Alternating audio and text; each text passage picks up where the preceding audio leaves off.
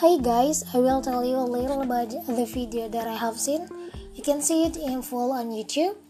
Alright, straight to the point. There are more than 4 million Muslims living here in Germany.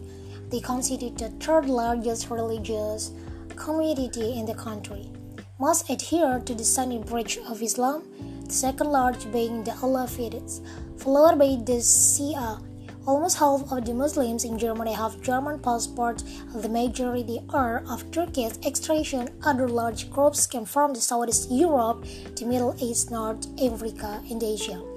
Muslim is an immigrant like any other. Their concern are the same women who want their children to go to school and achieve a decent education should have the opportunity to enter the labor market, just like their parents and in this sense, they do not want to suffer discrimination as Muslims.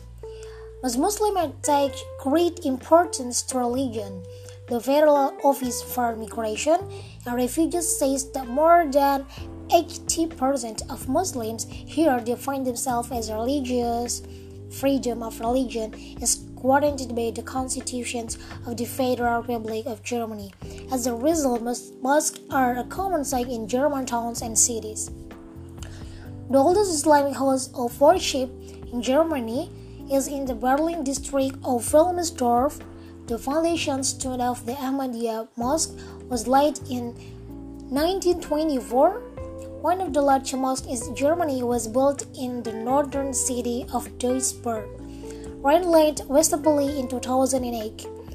The Merkez and the Merkez can accommodate up to 1,200 worshipper community centers that is open to all, including non-Muslims, and so far the only one of its kind in Germany. Muslims must see themselves as part of German society and to be understood as such. This is also the goal of the German Islam Conference, a forum for exchange between Muslims and government representatives since 2006.